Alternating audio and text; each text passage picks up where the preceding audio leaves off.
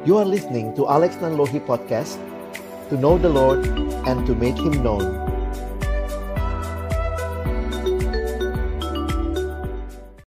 Kita bersyukur kepada Tuhan karena pembinaan semacam ini menjadi seperti sebuah uh, bagian perlengkapan yang Tuhan sediakan. Saya pikir Bapak Ibu sekalian bukan hanya senang dipimpin, untuk menikmati berkat Tuhan, pertumbuhan, tetapi biarlah kita juga diberi kerinduan untuk membagikan. Karena itu kita mempersiapkan diri menjadi pemimpin. Malam hari ini dalam tema yang diberikan kepada kita, saya akan coba berbicara tentang filosofi dari kebiasaan seorang murid. Jadi nanti kita akan melihat, uh, saya akan masuk pertama kepada Mengapa penting sekali seorang murid bertumbuh? Lalu nanti kita akan melihat bagian selanjutnya adalah tentang disiplin rohani. Ya, yang mungkin juga bukannya baru buat kita. Kita sudah lakukan, kita sudah pahami, dan nanti ke depan akan jadi bagian yang kita juga bagikan. Nah, Bapak Ibu Saudara yang dikasihi Tuhan, saya akan mulai dengan satu pernyataan yang selalu memberikan sebuah pemahaman dasar buat saya tentang apa sih artinya jadi murid, apa sih artinya jadi orang Kristen. Kutipan ini menyatakan bahwa Christianity isn't just a religion, it's a relationship with God through Jesus Christ. Kekristenan bukan sekadar agama, tetapi kekristenan adalah sebuah relasi dengan Allah melalui Yesus Kristus. Karena itulah kalau kita berbicara kehidupan rohani, maka kita perlu memastikan ya, ini katanya generasi GPS Bapak Ibu ya, pastikan posisi kita ya. Apakah kita ada di dalam Kristus? Apakah kita masih ada di dalam dosa? Manusia lama yang hidup di dalam dosa dan manusia baru yang hidup di dalam Kristus. Itulah satu kenyataan yang menarik tentang kehidupan kita yang sudah mengenal Allah adalah hidup di dalam Kristus. Yohanes 1 ayat 12 menyatakan Yesus berkata, "Tetapi semua orang yang menerimanya, ya diberinya kuasa supaya menjadi anak-anak Allah, yaitu mereka yang percaya dalam namanya." Maaf, maksud saya penulis eh, Injil Yohanes ya menyatakan tetapi semua orang yang menerima Yesus diberinya kuasa supaya menjadi anak-anak Allah yaitu mereka yang percaya dalam namanya. Bagi saya ini menarik ya sebagaimana seorang anak yang lahir di dalam dunia pasti punya keluarga. Ya, ada papanya, ada mamanya, mungkin ada saudaranya, tapi yang pasti setiap anak yang lahir ada di dalam sebuah keluarga, maka ketika kita lahir baru, maka kita juga ada di dalam keluarganya Allah. Nah, ini hal yang menarik untuk kita perhatikan. Ketika kita ada di dalam keluarga Allah, maka Allah sendiri juga merindukan sama seperti anak yang mulai dari bayi dia bertumbuh jadi balita, dia menjadi anak-anak, bahkan mungkin nanti jadi remaja, jadi orang dewasa, maka inilah kerinduan Allah juga sebagai Bapa kita untuk semua kita anak-anaknya. Jadi memang yang paling rindu saudara dan saya bertumbuh itu bukan bukannya Pak Richard saja ya, bukannya saya saja, tetapi Tuhan sendiri yang paling merindukan saudara terus bertumbuh, Bapak Ibu Saudara terus mengalami pertumbuhan. Tentu kalau kita lihat anak kecil lucu kali ya, seneng lihat anak kecil. Tapi kalau lihat anak kecil terus, wah itu tentu tidak menyenangkan. Maka orang tua biasanya akan bawa anaknya ke dokter, kok anak saya nggak bertumbuh. Maka demikian juga Allah Bapa kita merindukan kita menjadi orang yang bertumbuh. Ada satu kutipan yang saya ambil dari buku Purpose Driven Life. Pendeta Rick Warren menuliskan kalimat ini. Banyak orang Kristiani berhenti dalam kondisi bayi rohani karena mereka tidak pernah berniat bertumbuh. Wah, sedih banget ya. Adakah yang begitu? Kadang-kadang kan kalau kita lihat bercandaan ya, ada orang tua mamanya bilang, "Aduh, anakku jangan cepat besar deh," gitu ya. Tetap aja jadi bayi yang lucu, menggemaskan. Kalau sudah jadi anak remaja mulai rebel, mulai melawan begitu. Tapi saya pikir orang tua yang normal ingin anaknya dewasa dan bertumbuh. Nah, betapa sedihnya kalau ada orang yang cuma mau jadi bayi rohani cuma mau dipimpin, cuma mau menikmati pembinaan gitu ya. Tapi ketika diminta membagikan, diminta melayani, nah di situ sebenarnya ujiannya. Pertumbuhan rohani kalau kita lihat di sini pada umumnya tidak terjadi secara otomatis. Nah, hal ini membutuhkan komitmen yang dibuat secara sengaja. Kita harus menginginkan bertumbuh, kita harus memutuskan bertumbuh, kita harus mengusahakan bertumbuh, dan kita harus menjaga kesinambungan bertumbuh. Jadi, kalau kita bicara murid Kristus, maka ini adalah kerinduan Allah kita menjadi murid yang terus bertumbuh. Nah, saya akan mengajak kita melihat beberapa ayat Alkitab yang tentunya juga beberapa sudah familiar buat kita.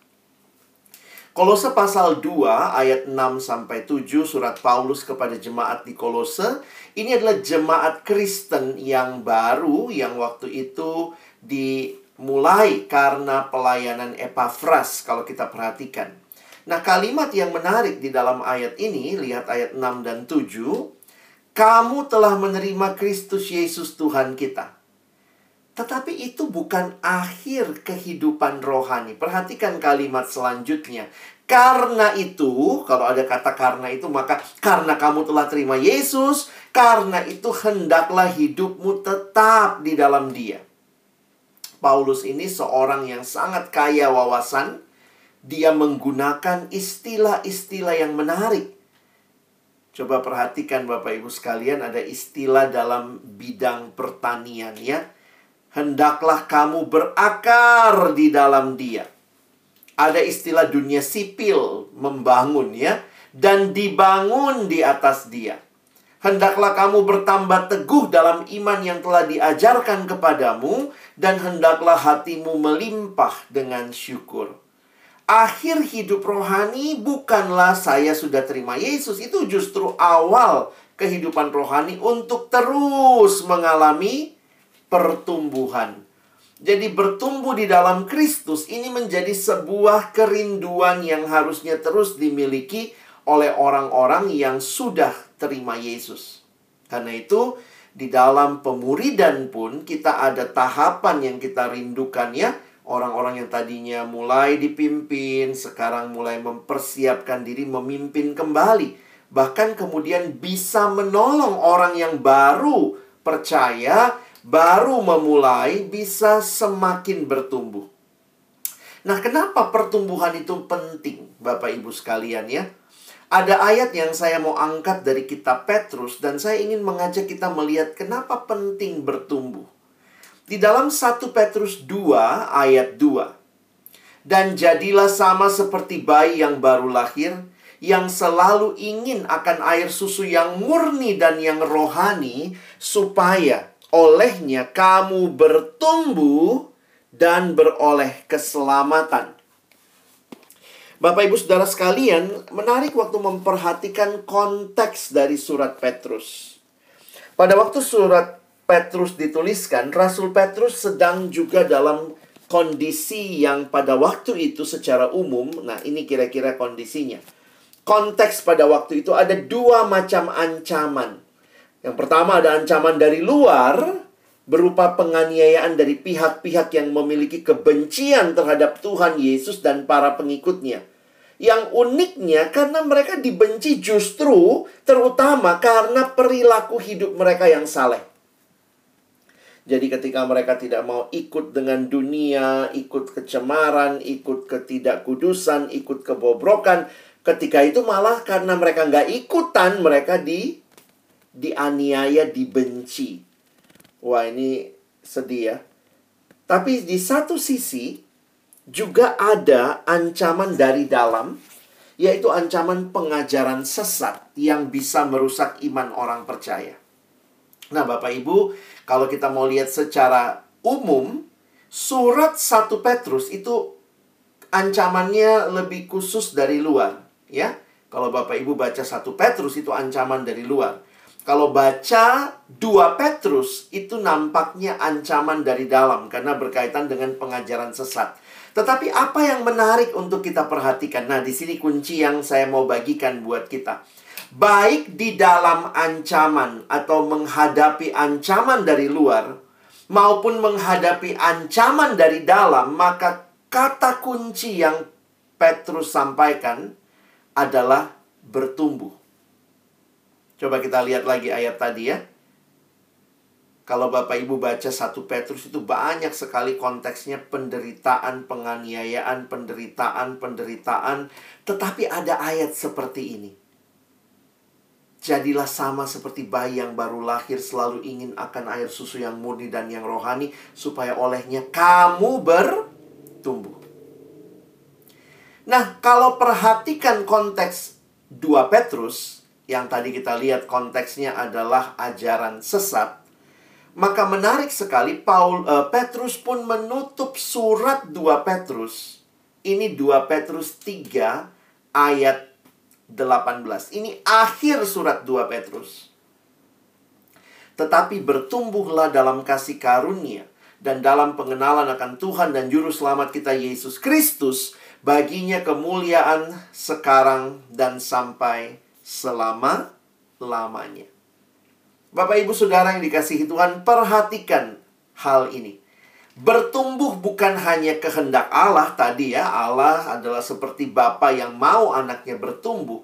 Tetapi dengan bertumbuh juga seorang itu bisa menghadapi ancaman dari luar maupun ancaman dari dalam. Apakah penganiayaan yang ada dari luar yang mungkin menggoyahkan iman orang yang bertumbuh bisa bertahan? Demikian juga tantangan dari luar dihadapi dengan bertumbuh, tantangan dari dalam ajaran sesat. Bagaimana membedakan, bagaimana mengenali, bagaimana tahu ini sesat atau tidak? Kuncinya sama, bertumbuh. Jadi bertumbuh punya bagian yang menarik untuk kehidupan rohani kita.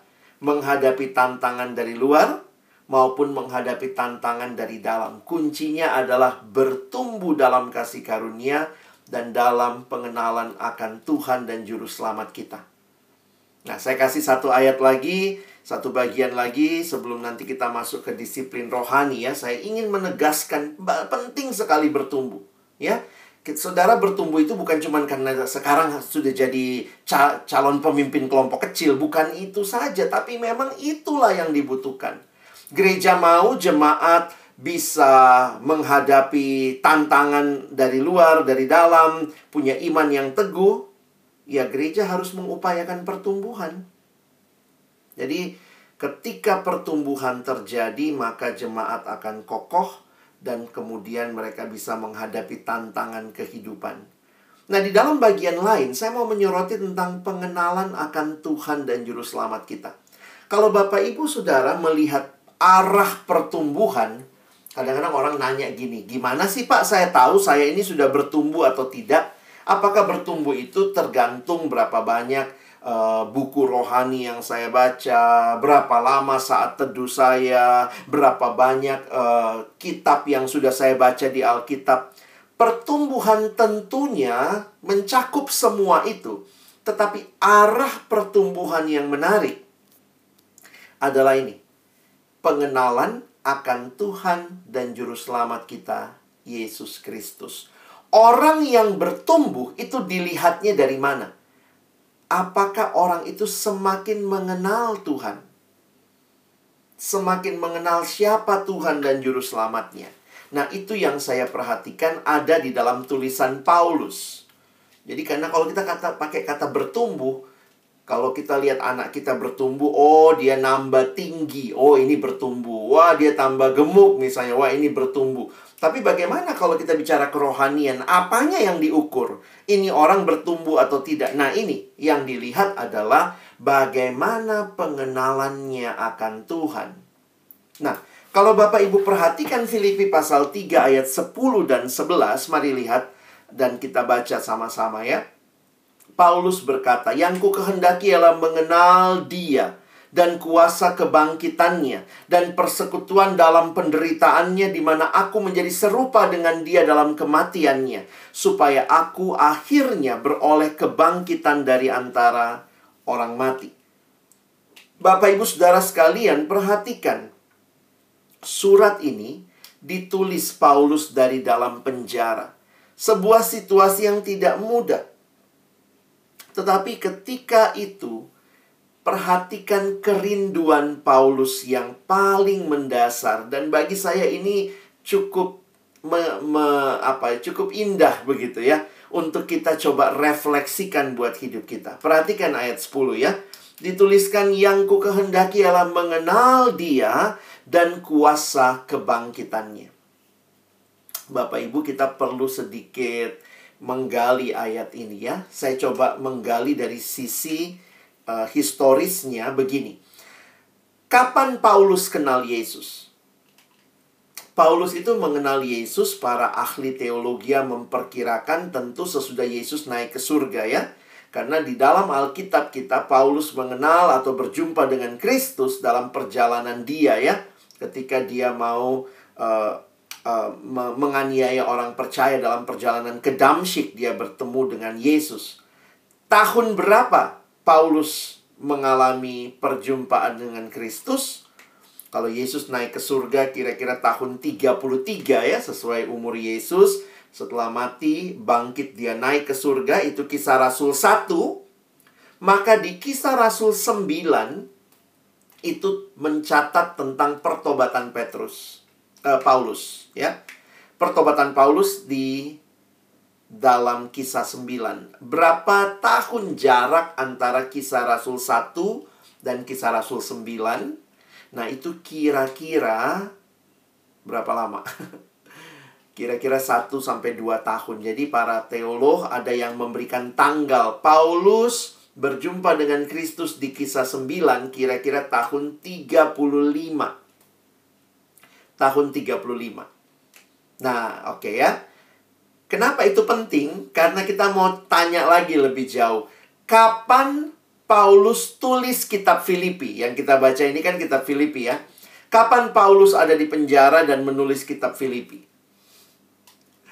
Nah, para ahli lagi ya, kita belajar dari mereka yang coba meng mengrekonstruksi kira-kira Paulus menulis surat ini tahun 30 uh, sorry, tahun 61 sampai 63. Jadi diperkirakan antara 61 sampai 63. Apa yang menarik Bapak Ibu Saudara?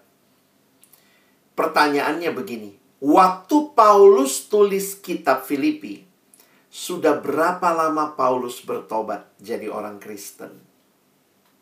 Kalau kita pakai perhitungan tadi, kita ambil yang paling gede saja ya.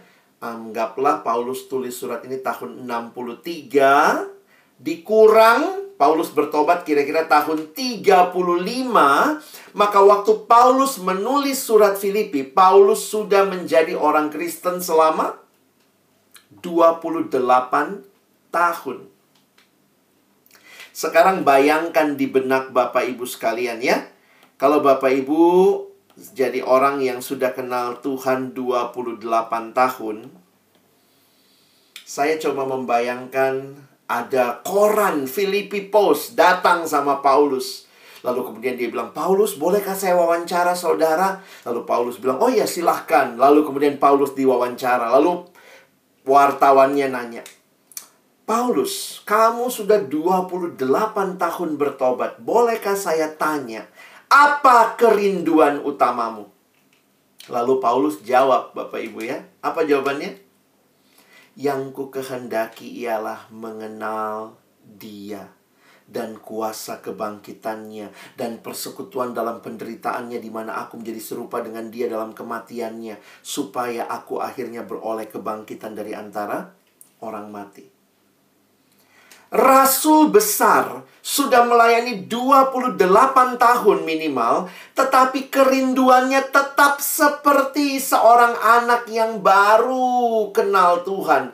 Yang dia kehendaki ialah mengenal dia. Kalau ini yang ngomong anak baru pulang camp remaja, aduh kak terima kasih saya di camp remaja kenal Yesus. Aduh saya pulang ini saya makin mau kenal Tuhan. Oh kita bilang wajar lah, baru cinta Tuhan. Tapi Rasul Paulus sudah 28 tahun kenal Yesus dan kerinduannya adalah apa? Aku masih ingin mengenal dia. Bapak Ibu Saudara, pertumbuhan itu adalah kerinduan mengenal Yesus. Dan ini tidak ada batasnya selama kita hidup, murid itu ya terus bertumbuh, terus mau kenal Tuhan. Nggak ada dari kita yang sudah sangat kenal sehingga tidak butuh lagi pengenalan akan Tuhan. Inilah kerinduan yang harus terjadi di dalam hidup kita terus menerus. Ini ya, mata kuliah mengenal Yesus ini, mata kuliah mengenal dia, ini satu-satunya mata kuliah yang tidak ada wisudanya gitu ya. Ini mata kuliah yang SKS-nya nggak pernah selesai seumur hidup. Berapa lama Bapak Ibu Saudara sudah kenal Tuhan? Sudah jadi orang Kristen? Apakah kita masih punya kerinduan? Aku mau mengenal dia. Perhatikan, tujuan hidup Paulus adalah mengenal Allah. Seluruh aspek hidupnya diarahkan untuk mengenal Allah, termasuk pelayanannya. Paulus merindukan dirinya semakin mengenal Allah. Ini pengenalan yang seperti apa? Waktu saya mempelajari ini pengenalan yang lebih daripada sekadar pengetahuan, lebih daripada sekadar informasi, tetapi ini pengenalan yang dimulai dalam relasi karena dia telah ditebus oleh Tuhan. Dan menarik ya, ini pengenalan yang sifatnya apa? Transformatif. Pengenalan akan Tuhan membuat kita pun semakin rindu diubahkan untuk semakin serupa dengan dia. Makanya remaja di Amerika itu pakai gelang ya, namanya dia tulis singkatan WWJD. What would Jesus do? Jadi apa artinya bertumbuh? Bagaimana saya mengukur saya sudah bertumbuh atau tidak? Sederhana. Apakah saya makin serupa dengan Kristus? Mereka mengingatkan diri remaja-remaja, What would Jesus do? Saya serupa nggak dengan Yesus? Kalau diajak temannya nonton film porno, Yesus ikutan nonton nggak? What would Jesus do? Kalau diajak untuk korupsi, what would Jesus do? Kalau dia diajak untuk misalnya ngegosip, what would Jesus do? Seumur hidup kita sedang bertumbuh dan ukurannya adalah apakah saudara makin mirip Yesus atau tidak. Jadi saya harap kita ngerti ya, karena Kristen ini banyak banget kalimat-kalimat klise ya. Bertumbuh, apa sih bertumbuh? Kenal Tuhan, apa sih kenal Tuhan? Makin serupa dengan dia. Berarti pertumbuhan rohani kita arahnya adalah makin mirip Yesus atau tidak? Ayo saya tanya nih Bapak Ibu, ada nggak yang waktu lihat hidup kita, ya? Ada nggak di rumah kita deh orang-orang yang paling dekat begitu misalnya ada yang di rumah lalu bilang, "Wih, kamu makin ini ya, makin mirip Yesus ya. Ih, Yesus banget sih kamu gitu ya." Nah, itu berarti semakin bertumbuh tuh ya. Tapi kalau saudara bikin dosa lalu orang bilang, "Ye, memang kamu begitu," berarti ya nggak kelihatan keserupaan dengan Kristus ya. Memang ini jadi menarik ketika kita bertumbuh, orang akan kiranya makin melihat ini anak kok beda ya, ini orang kok berbeda tindakan yang dia ambil, keputusan yang dia ambil itu menyatakan bahwa dia kenal Yesus. Jadi oke okay, ya, ini komitmen untuk bertumbuh. Nah, saya cukup panjang jelaskan ini untuk Bapak Ibu Saudara sadar kita perlu bertumbuh supaya makin seperti Yesus. Lalu di mana letaknya disiplin rohani? Nah, disiplin rohani dalam kekristenan itu dalam rangka bertumbuh. Ada beberapa ayat yang perlu kita lihat ya. Saya coba kutip dulu ya. 1 eh, Timotius 4 ayat 7b sampai ayat yang ke-8 di dalam terjemahan baru LAI. Latihlah dirimu beribadah. Latihan badani terbatas gunanya, tetapi ibadah itu berguna dalam segala hal karena mengandung janji baik untuk hidup ini maupun untuk hidup yang akan datang. Bapak Ibu Saudara perhatikan istilah yang digunakan, latihlah dirimu beribadah. Ibadah itu kan tujuannya menyembah Tuhan, mengenal Tuhan, tetapi Paulus mengingatkan perlu dilatih. Dalam bahasa Inggris, satu terjemahan NIV menggunakan istilah train yourself to be godly. For physical training, jadi dia bicara training fisik ya. Nah, sebenarnya kalau Bapak Ibu perhatikan ada lagi terjemahan yang lain yang mirip dengan tema kita malam hari ini, yaitu terjemahan Alkitab berbahasa Inggris NASB, New American Standard Bible, menggunakan istilah discipline yourself for the purpose of godliness, for bodily discipline is only of little profit. Jadi, banyak orang mengambil dari ayat ini. Sebenarnya ayat ini memberikan nuansa bahwa yang namanya bertumbuh butuh disiplin. Yang namanya kenal Tuhan butuh disiplin. Sehingga istilah-istilahnya, kalau kita coba lihat ya. LAI menggunakan tadi istilah latihan, NIV menggunakan istilah training, Alkitab NASB tadi pakai istilah N, uh, disiplin.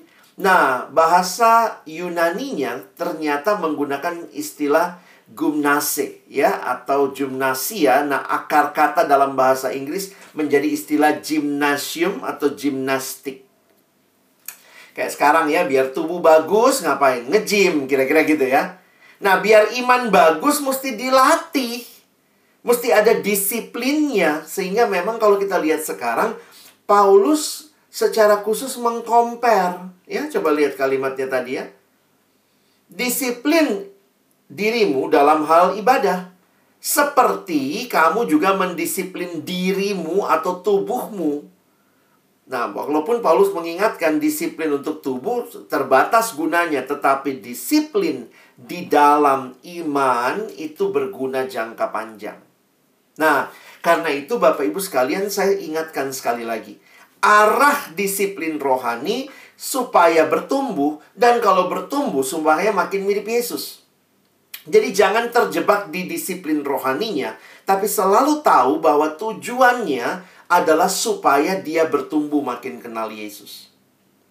Jadi jangan mentok di disiplin rohaninya, tapi selalu lihat tujuan akhirnya. Nah, Kenapa? Karena begini ya. Kekristenan menggunakan istilah disiplin. Kita nggak pakai istilah kewajiban ya. Kita nggak dibilang kewajiban rohani. Ini disebut disiplin rohani. Disiplin itu dan kewajiban bedanya apa? Sebenarnya sederhana ya. Kewajiban itu dipaksakan biasanya dari luar ke dalam. Dan karena dia disiplin, dilakukan ada rewardnya, tidak dilakukan ya mungkin ada punishmentnya. Itu kewajiban. Arahnya dari luar ke dalam. Orang bisa merasa dipaksa atau terpaksa. Sementara disiplin sebenarnya itu dari dalam keluar. Dan ada kebebasan untuk memilih. Dalam arti, kalau dia memilih, ya udah itu menjadi bagian yang akan menjadi berkat untuk diri orang tersebut. Nah, saya coba memberikan gambarannya. Saya tidak sebenarnya mempertentangkan kewajiban dan disiplin. Untuk beberapa tahapan pertumbuhan, sering kali kita akan mulai dengan kewajiban. Saya kasih contoh lah. Kalau ada anak baru, anak kecil ya. Anak kecil kalau disuruh makan gampang apa tidak? ya syukur-syukur ya kalau ada anak kecil yang makannya gampang. Tapi kadang-kadang mulai susah apalagi kalau sudah kenal permen sudah kenal coklat sudah kenal uh, makanan-makanan yang lain snack-snack gitu ya. Sehingga kadang-kadang orang tua harus memberikan paksaan kewajiban. Makan dulu makan nasi dulu baru boleh permen ya. Nah sebenarnya itu jadi menarik ya. Karena ada yang nanya sama saya begini jadi pak Nggak boleh ya kewajiban. Poinnya adalah begini.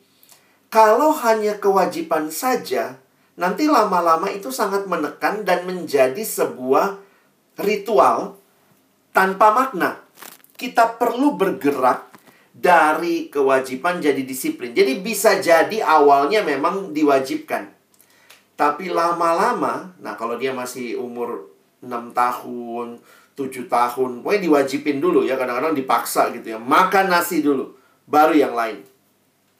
Tapi kalau dia sudah umur 17 tahun, umur 20, umur 35, masih begitu polanya, harus dipaksa dulu baru makan, berarti dia tidak bertumbuh ya. Karena sebenarnya kalau orang makin dewasa, dia makin sadar bahwa dia butuh makan nasi dulu, baru boleh permen, kira-kira begitu. Jadi saya tidak menolak ketika ada pemimpin-pemimpin kelompok kecil ketika awalnya misalnya memimpin remaja wajib saat teduh. Wah, tapi kalau anak itu terus-menerus hanya punya pemahaman kewajiban, tidak bergerak menjadi disiplin. Disiplin itu dari dalam keluar. Nah, saya pikir kita juga perlu untuk melihat seperti apa pertumbuhan yang terjadi. Karena ini bukan hanya sekadar bicara kewajiban ya, kita berbicara disiplin. Jadi disiplin kalau dia makin bertumbuh, dia makin sadar. Saya ingat adik kelompok kecil saya dulu yang saya pimpin. Disuruh saat teduh, nggak saat teduh. Saat teduh itu kan disiplin rohani ya. Bukan kewajiban rohani ya, disiplin rohani. Kenapa? Nanti Bapak Ibu dengar cerita saya bisa saat teduh nggak? Bisa. Ya, minggu depan ditanya, udah saat teduh nggak? Enggak, Kak. Haha, ketawa-ketawa. Akhirnya saya wajibin gitu ya. Saya bilang, pokoknya minggu depan saya minta catatan saat teduh. ya Apa yang kamu baca, kamu renungkan gitu. Wah, akhirnya dia bikin lah ya. Nah, tapi kemudian saya sekarang mulai juga latih dia. Tanpa saya ingatkan, kamu harus mulai bersaat teduh. Mulai waktu dia gagal lagi, nah saya sekarang mulai kasih pemahaman. Saya tanya sama dia, kalau kamu nggak saat teduh, siapa yang rugi? Tuhan atau kamu? Iya, saya sih, Kak. Nah, jadi disiplin sebenarnya menolong orang itu punya pemahaman sehingga ketika dia punya pemahaman, kita berharap nanti munculnya dari dalam. Bayangkan kalau semua hal kita wajibkan, aduh sebenarnya kekristenan jadi agama yang nggak menarik ya ke gereja wajib gitu ya. Bener sih, kadang-kadang anak kecil kita wajibin. Tapi kalau udah umur 70, 60 masih diwajibkan, berarti saudara nggak paham sebenarnya apa itu kekristenan. Karena kekristenan bicara saya butuh Tuhan, makanya saya datang ke gereja. Jadi disiplin itu lahir dari dalam keluar. Nah, Bapak Ibu sekalian ingat lagi bahwa tujuan akhir disiplin bukan pada disiplin itu sendiri. Jadi tujuannya bukan saat teduh ya, nanti soalnya ada evaluasinya. Saat teduhnya 7 per 7, berarti 7 hari selama seminggu dia saat teduh terus. Bukan itu. Tujuan disiplin, seperti yang saya bilang tadi, yang panjang lebar saya bahas, demi pertumbuhan. Supaya makin serupa Kristus, saudara dan saya butuh berdisiplin. Nah, jadi uh, saya kasih contoh lah ya. Nah, ini sedikit contoh supaya Bapak Ibu lebih paham ya bedanya disiplin sama kewajiban. Saya punya istri, kalau saya tugas keluar kota, maka saya mendisiplin diri misalnya ya untuk mengontak, kirim WA, telepon, kirim video gitu ya. Itu adalah saya lakukan untuk apa? Untuk supaya saya dan istri tetap punya komunikasi karena saya mengasihi istri saya, saya ingin tetap komunikasi sama dia, maka saya melakukan disiplin-disiplin menelepon, nge-WA, supaya bisa tetap komunikasi. Jadi tujuan akhirnya bukan WA-nya, bukan teleponnya. Tujuan akhirnya saya makin sayang istri, bukan makin sayang HP, makin sering WA. Bukan WA-nya yang yang menjadi tujuan akhir, tetapi relasi saya dengan istri saya. Nah, WA itu sarananya. Nah, mohon kita nggak salah ngerti ya. Saat teduh itu bukan tujuannya supaya orang Kristen wajib saat teduh. Bukan cuman itu, tapi tujuan akhirnya supaya kita makin kenal Tuhan, makin bertumbuh. Karena itulah kalau dibalik, kalau kita nggak pernah saat teduh, gimana kenal Tuhannya? Kalau saya nggak pernah nge-WA, saya nggak pernah telepon, saya nggak pernah kirim video, video call, biar bagaimana saya makin sayang sama istri saya kalau lagi terpisah jarak gitu. Jadi gereja jangan kehilangan esensi ini bahwa tujuan disiplin rohani adalah supaya kita makin kenal Tuhan. Bukan berhenti pada disiplinnya. Ya. Nah, jadi nanti kalau Bapak Ibu membimbing adik-adik, orang-orang atau anggota kelompok kecil Bapak Ibu, maka rindukanlah ini. Termasuk Bapak Ibu sendiri ya. Rindukan ini jadi disiplin. Kita memang merasa itu kebutuhan, Tuhan mau saya bertumbuh dan Tuhan sudah kasih firman-Nya, Tuhan kasih Alkitab, maka saya mau baca renungkan supaya saya makin kenal dia. Maka Bapak Ibu melakukan itu, Bapak Ibu Saudara juga menolong orang lain yang kamu pimpin untuk juga punya disiplin ini, ya. Kadang-kadang di awal-awal mungkin diwajibkan, oke okay lah ya, tapi pelan-pelan harus bertumbuh, jangan cuma kewajiban, ya. Nah, makanya kalau kita perhatikan ada kalimat yang menarik di dalam Injil uh, di dalam surat Yohanes. 1 Yohanes 2 ayat 6. Barang siapa mengatakan bahwa ia ada di dalam dia, ia wajib hidup sama seperti Kristus hidup.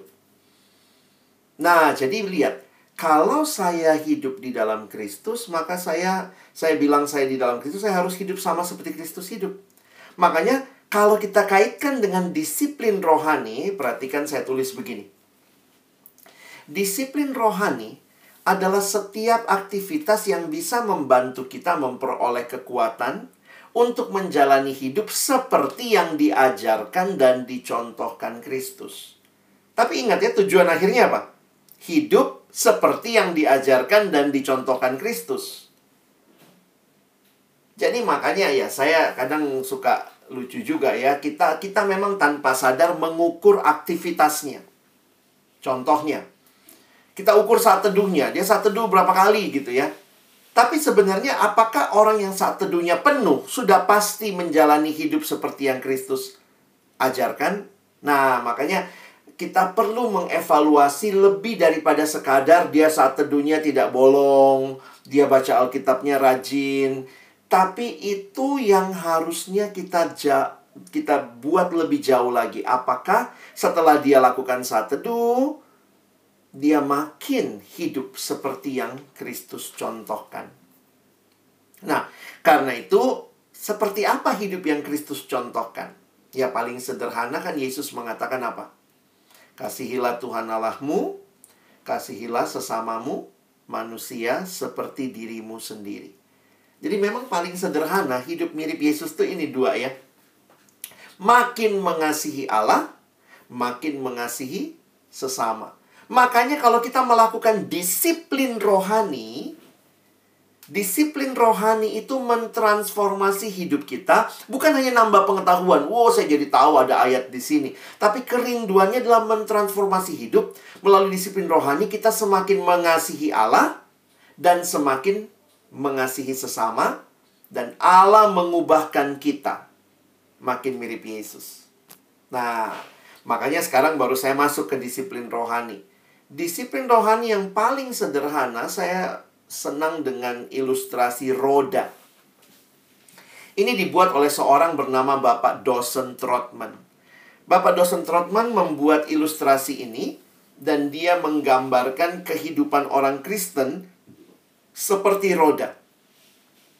Di tengahnya ada porosnya, lalu kemudian ada jari-jari yang menghubungkan poros itu dengan rodanya di luar. Nah, dia menggambarkan ya. Ini menarik ya, aspeknya bagi saya menarik. Yang vertikal itu relasi dengan Allah. Kan kita harus bertumbuh dalam relasi makin mengasihi Allah dan juga mengasihi sesama. Itu yang horizontal. Di pusat hidup sama lah ya, seperti roda yang muter itu porosnya, maka di pusat hidup harus ada Kristus. Makanya kita terima Yesus. Hanya karena kita terima Yesuslah maka semua roda kehidupan kita bisa berputar dengan baik. Apa disiplin rohani untuk kita semakin mencintai Allah? Ada dua ya, yang vertikal. Saya bicara sama Tuhan namanya doa. Tuhan bicara sama saya lewat firman. Ya. Jadi Bapak Ibu Mari kita bangun hidup rohani seperti ini. Makanya kebiasaan orang Kristen ya ngikutin Yesus. Dia berdoa. Ya Yesus nggak baca firman karena dia firmannya ya. Tapi buat kita, kita punya firman Tuhan sekarang. Maka kita membangun relasi dengan Tuhan dalam saat teduh. Membaca Alkitab dan dalam doa. Ini disiplin makin mengasihi Allah. Lalu yang vertikal, sekarang yang horizontal yang horizontal dalam relasi dengan sesama.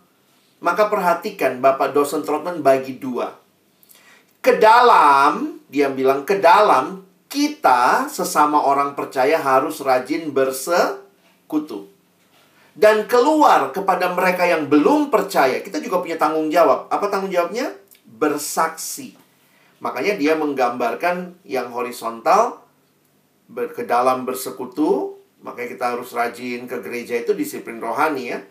Beribadah bersama ya. Dan keluar kita melayani, kita bersaksi. Nah, jadi kalau ini terjadi, kita membangun apa? Ini bukan cuma yang yang dievaluasi bukan wah dia baca Alkitab, oh dia rajin berdoa, tapi ini adalah membangun relasi dengan Allah dan sesama. Apa sarananya? Disiplin rohani. Ingat tadi ya, aktivitas-aktivitas yang menolong kita bisa menjalani hidup, memperoleh kekuatan untuk menjalani hidup seperti yang Tuhan Yesus ajarkan. Tahu dari mana? Oh, dari Alkitab. Makanya saya baca Alkitab, merenungkan, saya berdoa, saya bersekutu, saya melayani.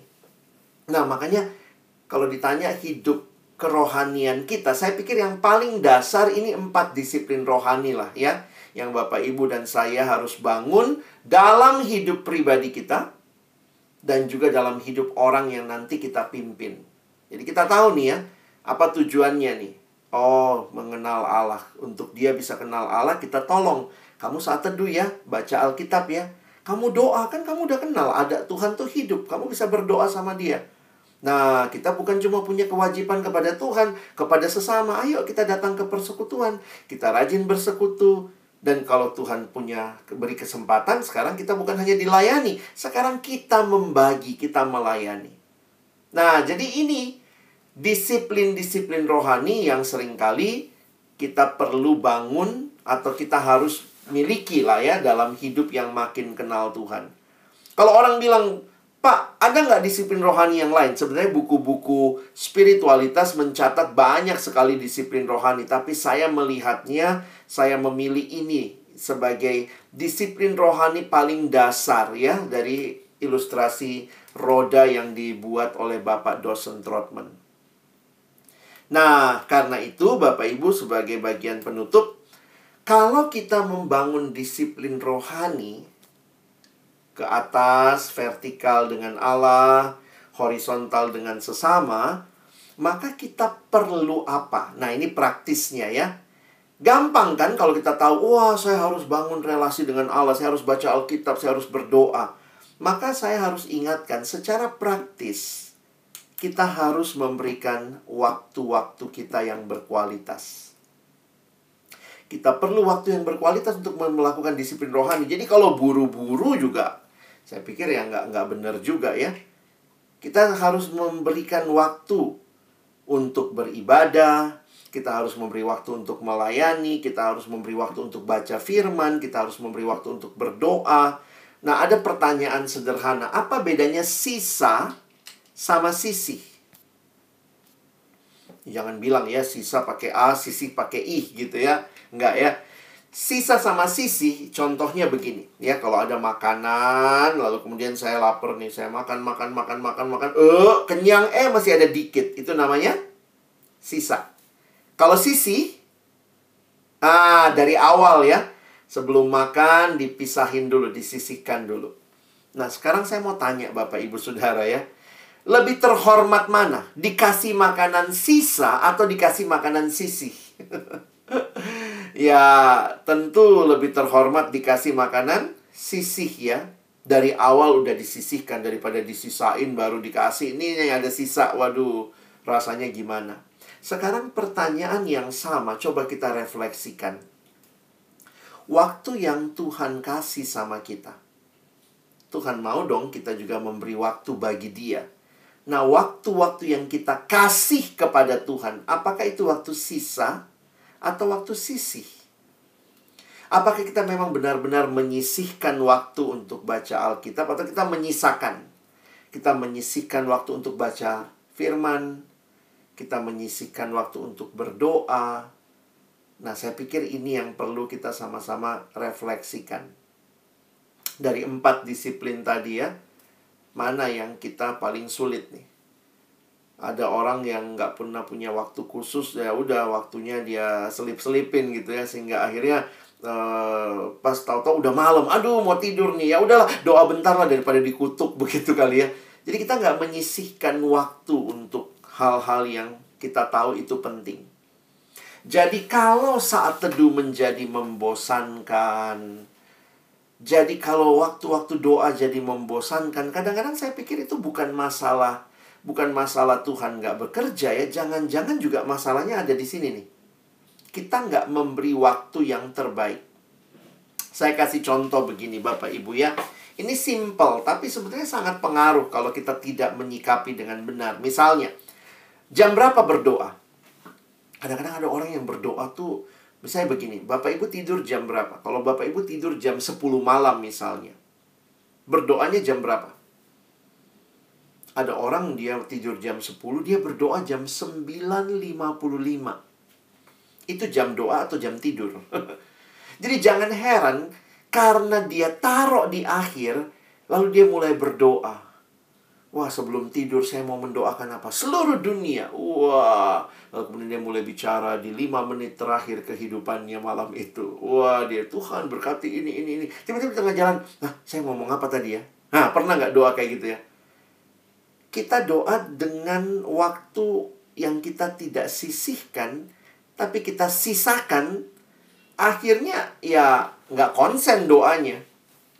Tiba-tiba doa, tiba-tiba bengong, tadi ngomong apa ya? Atau tiba-tiba doa panjang banget aminnya besok pagi. Kenapa? Karena saudara datang di jam tidur. Jadi kalau ada orang bilang, aduh pak saya nggak menikmati waktu doa saya. Saya tanya dulu, kamu doanya jam berapa? Kamu tidurnya jam berapa? Jangan-jangan kamu berdoa di jam tidur. Loh, lalu bagaimana? Maka kita mesti atur waktu kita. Contoh misalnya, kita tidur jam 10 malam. Kenapa nggak berdoa jam 6 sore? Emangnya ada, ada, ada petunjuk di Alkitab. Berdoa harus sebelum tidur. Nggak ada tuh. Kita aja yang bikin. Kalau jam 6 sore Bapak Ibu masih segar, ya udah ambil waktu berdoa 10-15 menit misalnya. Sesudah doa kan nggak ada peraturan harus tidur. Bisa lah lanjutkan kegiatan, aktivitas, ya nonton sinetron mungkin atau apa. Lalu nanti malamnya jam 10 menjelang tidur cuman doa singkat. Tuhan mau tidur, bangunkan besok pagi. Bukannya kita pulin ke belakang padahal kita sebenarnya tidak sedang menyisikan. Mendingan kita kasih waktu di mana kita lagi seger. Jam 6 sampai jam 6 lewat 10 misalnya atau jam 7 sampai jam 7 lewat 10 kita berdoa sehingga kita bisa dengan sadar menyampaikan Tuhan ini yang saya doakan, ini yang saya gumulkan. Nah, jadi kadang-kadang masalahnya bukan di kesegaran kita, aduh disiplin rohaninya, karena kita nggak beri waktu, kita kasihnya yang sisa. Ya, Padahal ya kalau Bapak Ibu perhatikan ya, untuk hal yang penting orang biasanya tuh rela ya, rela menyisihkan waktu, tenaga dan uang. Buka toko penting nggak? Oh penting. Disuruh jam berapa? Oh ada jamnya. Kita sisihkan waktu jam 6, jam 6 dibuka. Sekolah penting nggak buat anak-anak? Penting. Disuruh datang gurunya jam 7, datang kita jam 7. Orang rela menyisihkan waktu untuk hal-hal yang kita anggap penting. Nah pertanyaannya sekarang, disiplin rohani ini penting nggak? Saat teduh penting nggak? Kalau penting saya tanya, jam berapa Bapak Ibu saat teduh? Jadi bukan begini, ah saya saat teduhnya ya terserahlah hari ini jam 7 pagi, besok jam 7 malam, lusanya siang. Ya itu, ya saya bukan berkata nggak boleh ya, tapi hati-hati jangan-jangan kita tidak menyisihkan waktu, kita sesempatnya. Kalau itu penting, maka itu ditandai dengan apakah ada waktu yang kita sisihkan. Nah, itu yang Bapak Ibu dan saya perlu juga ingat ya dan sebagai penutup ya kita perlu menyusun kembali prioritas kita. Karena sering kali untuk mengubah hidup kita makin kenal Tuhan ya kita atur lagi prioritasnya. Termasuk lihat kapan waktu saat teduh, kapan waktu saya baca Alkitab, kapan waktu saya berdoa, kapan waktu saya melayani, dan semua itu kembali kepada prioritas kita. Kembali saya tutup dengan ayat tadi, ya 2 Petrus 3 ayat 18 di akhir surat 2 Petrus. Tetapi bertumbuhlah dalam kasih karunia dan dalam pengenalan akan Tuhan dan juru selamat kita Yesus Kristus baginya lah kemuliaan sekarang dan sampai selama-lamanya. Kalau ini jadi bagian yang Tuhan percayakan, disiplin rohani apa yang Bapak Ibu sedang kembangkan dan sedang jalani ya. Kiranya ini menolong kita punya pemahaman untuk nanti kita masuk dalam diskusi sebentar ya. Silakan. Terima kasih.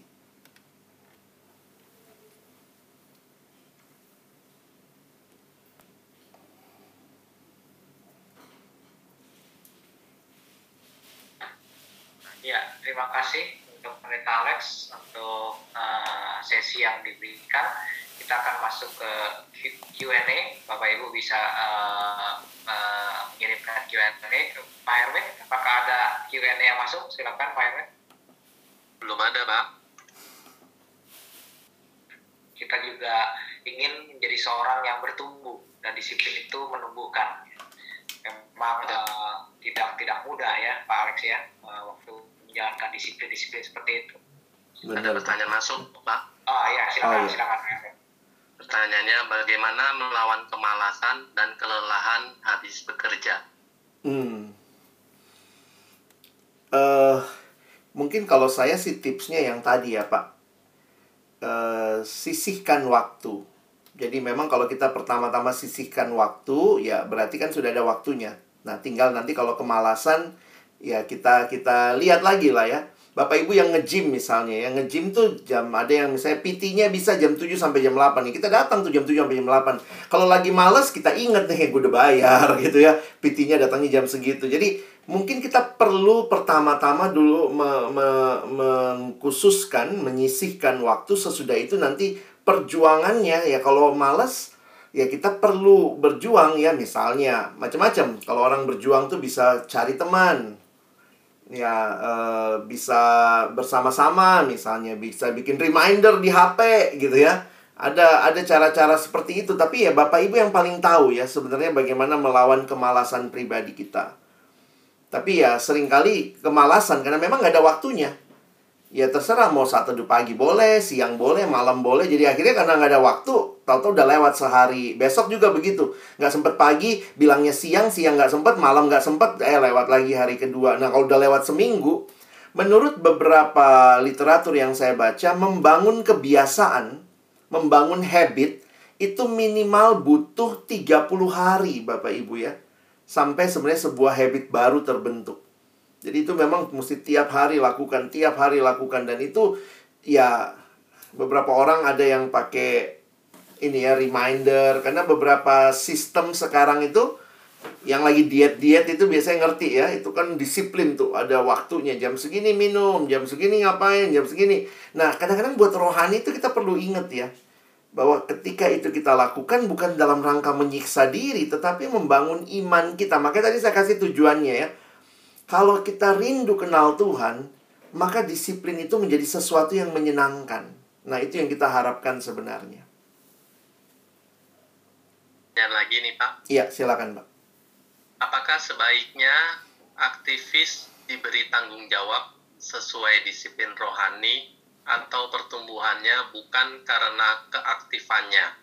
Bagaimana kita menilai pertumbuhan rohani seorang calon aktivis? Wah, ini pertanyaan yang penting tapi juga dijawabnya bagi saya cukup sulit ya. Karena memang kita semua ini gampang sekali pencitraan ya.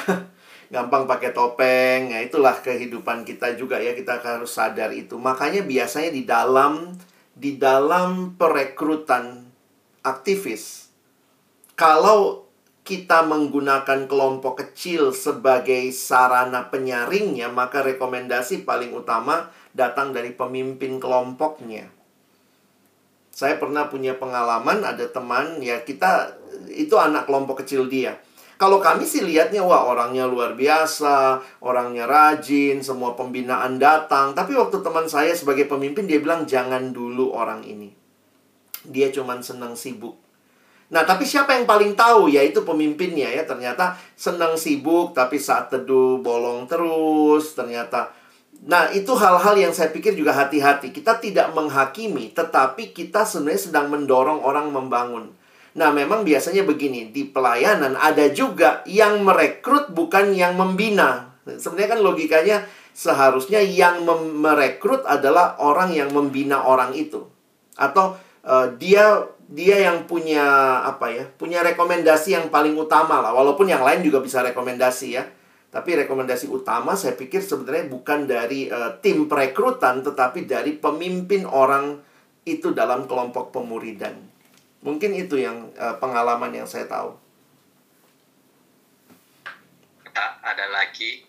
Ya. Pak, bersaat teduh dengan belajar firman, apakah bisa disamakan sejak online YouTube jadi banyak waktu hmm. nonton atau belajar firman melalui YouTube? Wah, ya sebenarnya ada beberapa disiplin dalam kaitan dengan firman. Minimal ada tiga yang dasar, tapi memang saya lihatnya begini ya. Uh, saya sih meng me menganjurkan yang paling utama sebaiknya saat teduh. Karena saat teduh itu kan rutin tiap hari. Nah, ada orang yang menambah dengan Bible reading. Bible reading itu dia membaca misalnya berapa pasal setiap hari. Nah, itu satu tahun dia selesai membaca seluruh Alkitab. Misalnya kalau satu hari kita disiplin tiga pasal, maka setahun kita selesai membaca seluruh Alkitab. Nah, itu bisa dilakukan daily. Saat teduh dan juga baca Alkitab. Nah, yang ketiga ada yang namanya PA. Nah, di dalam eh, buku-buku uh, yang biasanya untuk uh, spiritual discipline, PA ini kalau Bapak Ibu bukan hamba Tuhan, maka cukup seminggu sekali. Beda sama. Saat teduh tiap hari, Bible reading bisa tiap hari.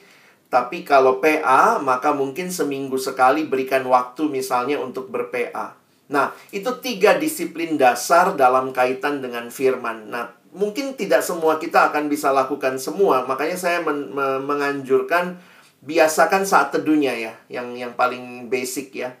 Nah, bagaimana dengan sekarang bisa dengar firman di sini, berdengar firman di sana? Nah, saya harus katakan jangan juga tergantung mood. Karena biasanya kalau kita ya kalau kita generasi scrolling ya, eh bagus atau bukan cuma bagus ya karena itu muncul biasanya pop up ya.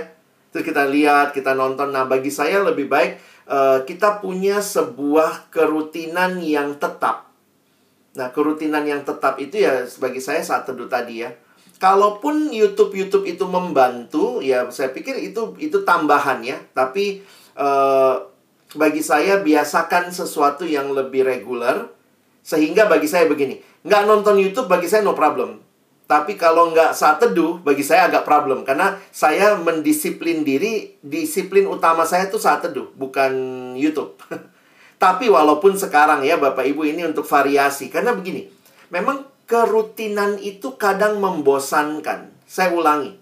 Jangan takut sama hal rutin. Hidup kita hidup kita tuh rutin kok. Bapak Ibu rutin makan, rutin minum, rutin bernafas. Tapi kalau masuk kepada kerutinan, itu jadi mungkin bosan. Nah, bagaimana mengatasi kerutinan? Temukan lagi maknanya. Kenapa sih gue makan gitu ya? Kenapa sih gue napas gitu? Nah, itu menolong kita mengatasi kerutinan. Jadi jangan takut sama yang rutin, tapi maknai kerutinan itu. Nah, di situlah saya pikir uh, kalau kalau saya setiap pagi juga uh, sekarang untuk mengatasi kebosanan misalnya atau bukan kebosanan ya uh, variasi saya saat teduhnya karena saya pakai ODB, saya dengar audionya. Itu jam 5 sudah on di YouTube. Saya dengar audio. Nah, dengar audio sama kita baca kadang ada sedikit beda sense-nya ya. Jadi uh, ya tetap sih ya saya biasanya baca juga tapi saya misalnya melatih uh, saya coba dengar gitu ya. Nah, itu itu menyegarkan juga. Ketimbang kadang baca ngantuk gitu ya. Nah, kadang kuping lebih on ya udah ini generasi audio visual ya kita juga ada di dalamnya. Nah, mungkin itu kali tips-tipsnya sih, Pak. Ada satu lagi nih, Pak Alex. Silakan. Kalau waktu perenungannya melalui SMS semenit menikmati sabda, apakah sudah termasuk saat teduh atau belum di tengah kepadatan aktivitas yang ada? Ah, ini menarik ya. Bapak Ibu soalnya gini ya, saya harus katakan memang pertanyaannya Bapak Ibu mau ngasih waktu berapa lama. Nah, itu kan kita yang perlu mendisiplin diri. Ya, wacana-wacana atau siaran-siaran yang ada entah itu SMS satu menit atau mungkin dengar Spotify sekarang ya banyak yang ke sana dengar renungan. Nah, biasakan memang makanya saya kembali lagi mendasari ya. Coba lakukan uh, saat teduh yang yang standar ya. standar itu ya versi kita kita berdoa, habis berdoa baca Alkitab, habis baca Alkitab kita merenung pribadi, habis kita merenung pribadi baru kita baca renungan orang, lalu kita ambil respon, lalu kita tutup dalam doa. Nah, kalau kita ikuti yang begitu saja, bagi saya itu aja sudah kira-kira lebih dari lima menit, Bapak Ibu ya. Nah, saya berpikir gini, jangan menjadikan misalnya dengar semenit menikmati sabda, dengar sekali itu sudah rasa sudah saat teduh.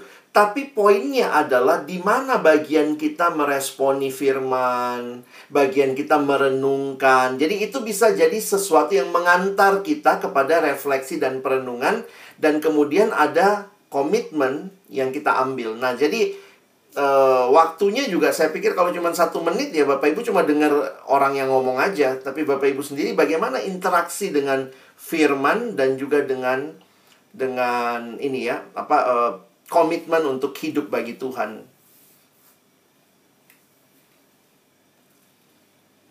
Oke, makasih Pak Alex. Ya. Saya serahkan ke Pak Richard. Masih Pak Hermit, Pak Alex, gak ada pertanyaan lagi ya? ya.